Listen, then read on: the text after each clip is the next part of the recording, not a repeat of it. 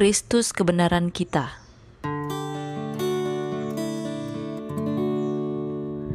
Jika kita mengaku dosa kita, maka Ia adalah setia dan adil, sehingga Ia akan mengampuni segala dosa kita dan menyucikan kita dari segala kejahatan.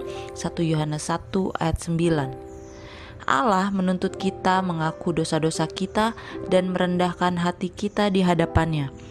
Tetapi pada saat yang sama, kita harus mempunyai keyakinan kepadanya sebagai seorang Bapa yang lemah lembut yang tidak akan meninggalkan mereka yang percaya kepadanya. Umumnya, kita berjalan oleh penglihatan dan bukannya oleh iman. Kita percaya akan perkara-perkara yang kelihatan, tetapi tidak menghargai janji-janji yang indah yang diberikan kepada kita dalam Sabda Allah. Dan meskipun demikian, kita tidak dapat menghina Allah lebih nyata daripada oleh menunjukkan bahwa kita tidak mempercayai apa yang dikatakannya, serta meragukan apakah Tuhan bersungguh-sungguh dengan kita atau sedang memperdayakan kita. Allah tidak menolak kita karena dosa-dosa kita. Kita mungkin berbuat kesalahan dan mendukakan rohnya, tetapi bila kita bertobat dan datang kepadanya dengan hati yang penuh penyesalan, ia tidak akan menolak kita ada halangan yang harus dikeluarkan. Perasaan-perasaan yang salah telah disimpan dalam hati, dan ada kesombongan, merasa diri sudah cukup, kurang sabar, dan persungutan. Segala perkara ini memisahkan kita dari Allah. Dosa-dosa harus diakui, harus ada pekerjaan rahmat yang lebih besar di dalam hati. Mereka yang merasa lemah dan kecewa boleh menjadi orang-orang yang kuat bagi Allah dan melakukan pekerjaan yang mulia bagi Tuhan. Tetapi mereka harus bekerja dari suatu pendirian yang tinggi, mereka harus dipengaruhi oleh motif yang tidak mementingkan diri. Kita harus belajar dalam sekolah Kristus. Tidak sesuatu pun kecuali kebenarannya dapat melayakan kita menerima salah satu berkat dari perjanjian anugerah. Sudah lama kita merindukan dan mencoba mendapat berkat-berkat ini, tetapi kita belum menerimanya, sebab kita telah memikirkan bahwa kita dapat berbuat sesuatu untuk melayakan kita menerimanya. Kita tidak melihat di luar diri kita sendiri dan percaya bahwa Yesus adalah Juru Selamat yang hidup. Jangan hendaknya kita memikirkan bahwa kebaikan dan jasa kita sendiri akan menyelamatkan kita rahmat Kristus merupakan satu-satunya harapan keselamatan. Dengan perantaraan nabinya, Tuhan menjanjikan, baiklah orang fasik meninggalkan jalannya dan orang jahat meninggalkan rancangannya. Baiklah ia kembali kepada Tuhan, maka dia akan mengasihaninya dan kepada Allah kita sebab ia memberi pengampunan dengan limpahnya. Yesaya 55 ayat 7 Kita harus percaya akan janji yang jelas itu dan tidak menerima perasaan untuk iman. Bila kita percaya kepada Allah sepenuhnya, bila kita bersandar pada jasa-jasa Yesus sebagai juru selamat yang mengampuni dosa, kita akan menerima segala pertolongan yang kita rindukan. Kita memandang kepada diri sendiri seakan-akan kita mempunyai kuasa menyelamatkan diri sendiri, tetapi Yesus mati bagi kita karena kita tidak berdaya berbuat demikian. Di dalamnya terdapat pengharapan, pembenaran, dan kebenaran kita. Kita tidak boleh putus asa dan khawatir bahwa kita tidak mempunyai juru selamat atau bahwa ia tidak ada kemurahan terhadap kita. Justru pada saat ini ia sedang melakukan pekerjaannya untuk kepentingan kita, mengundang kita datang kepadanya dalam keadaan kita yang tidak berdaya dan diselamatkan. Kita tidak menghormati dia oleh kurang percaya kita Sungguh sangat mengherankan bagaimana kita memperlakukan sahabat kita yang terbaik dan betapa sedikitnya kita bersandar kepadanya yang sanggup menyelamatkan sedapat-dapatnya dan yang telah memberikan kepada kita setiap bukti kasihnya yang besar itu. Saudara-saudaraku, kamu berharap bahwa jasa kamu akan memujikan kamu supaya berkenan kepada Allah dengan anggapan bahwa kamu harus bebas dari dosa sebelum kamu percaya akan kuasanya yang menyelamatkan?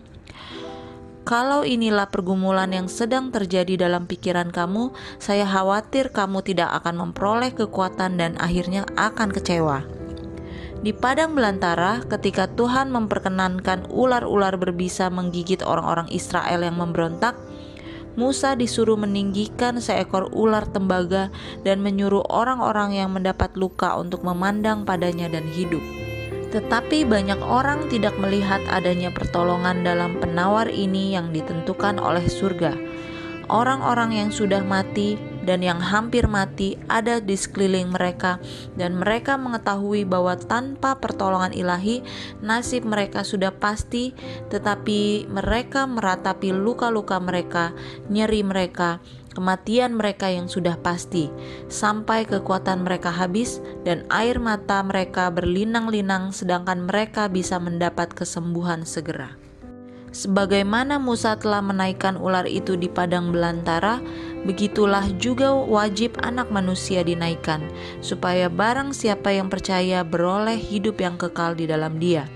Kalau engkau menyadari akan dosa-dosamu, janganlah menggunakan segala tenagamu meratapinya, melainkan pandanglah dan hiduplah Yesus adalah satu-satunya juru selamat kita dan meskipun berjuta-juta orang yang perlu disembuhkan menolak kemurahan yang ditawarkannya, tidak seorang pun yang berharap pada jasa-jasanya akan ditinggalkan sampai binasa. Meskipun kita menyadari keadaan kita yang tidak berdaya tanpa Kristus, kita tidak boleh kecewa. Kita harus berharap pada juru selamat yang telah disalibkan dan telah bangkit.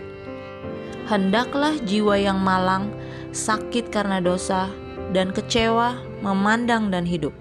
Yesus telah menjanjikan sabdanya, ia akan menyelamatkan semua orang yang datang kepadanya. Datanglah kepada Yesus dan terimalah perhentian dan damai. Engkau boleh mendapat berkat itu sekarang juga.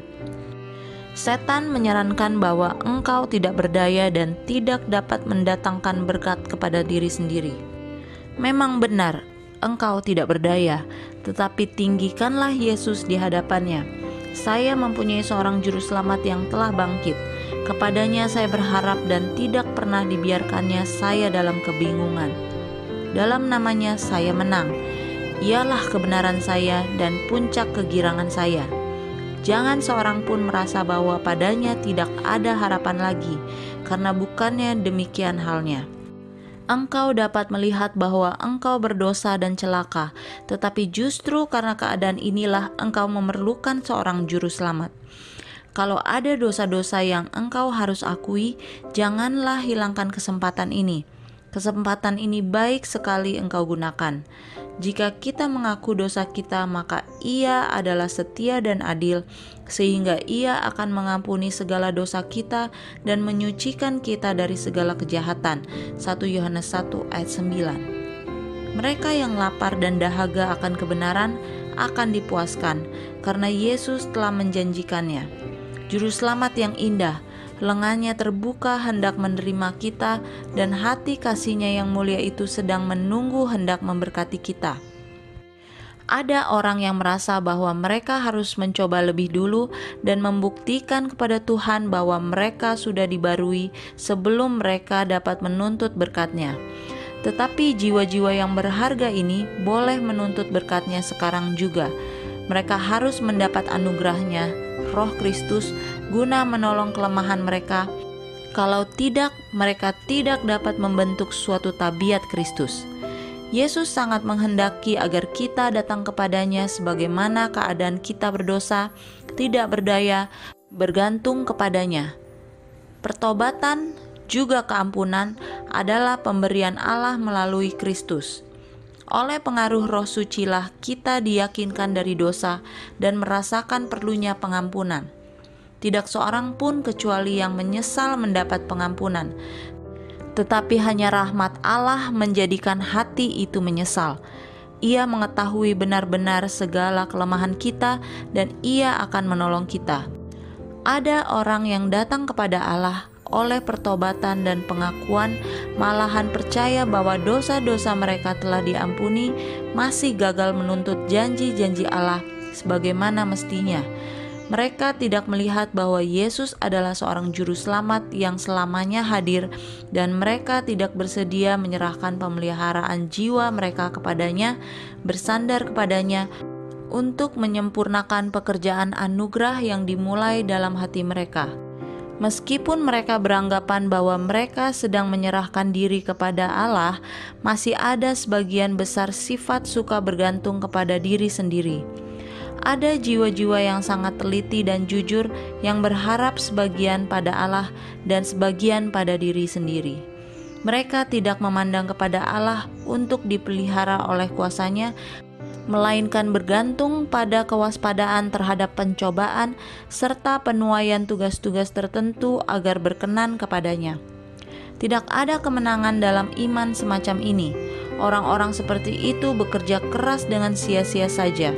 Jiwa mereka selamanya dalam perhambaan, dan mereka tidak mendapat perhentian sampai beban mereka diletakkan di kaki Yesus kita harus selamanya berjaga-jaga dan mengabdi dengan sungguh-sungguh dan penuh kasih, tetapi hal ini akan datang dengan sendirinya bila jiwa dipelihara oleh kuasa Allah melalui iman.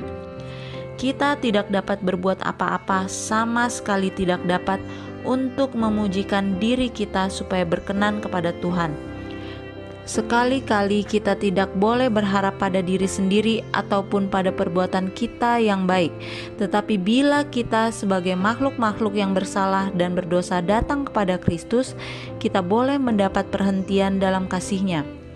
Allah akan menerima setiap orang yang datang kepadanya dan berharap sepenuhnya pada jasa-jasa juru selamat yang sudah disalibkan.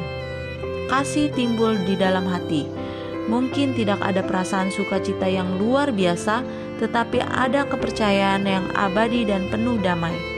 Setiap beban menjadi ringan karena tanggungan yang dikenakan Kristus ringan adanya. Kewajiban menjadi suatu kegirangan dan pengorbanan suatu kesenangan.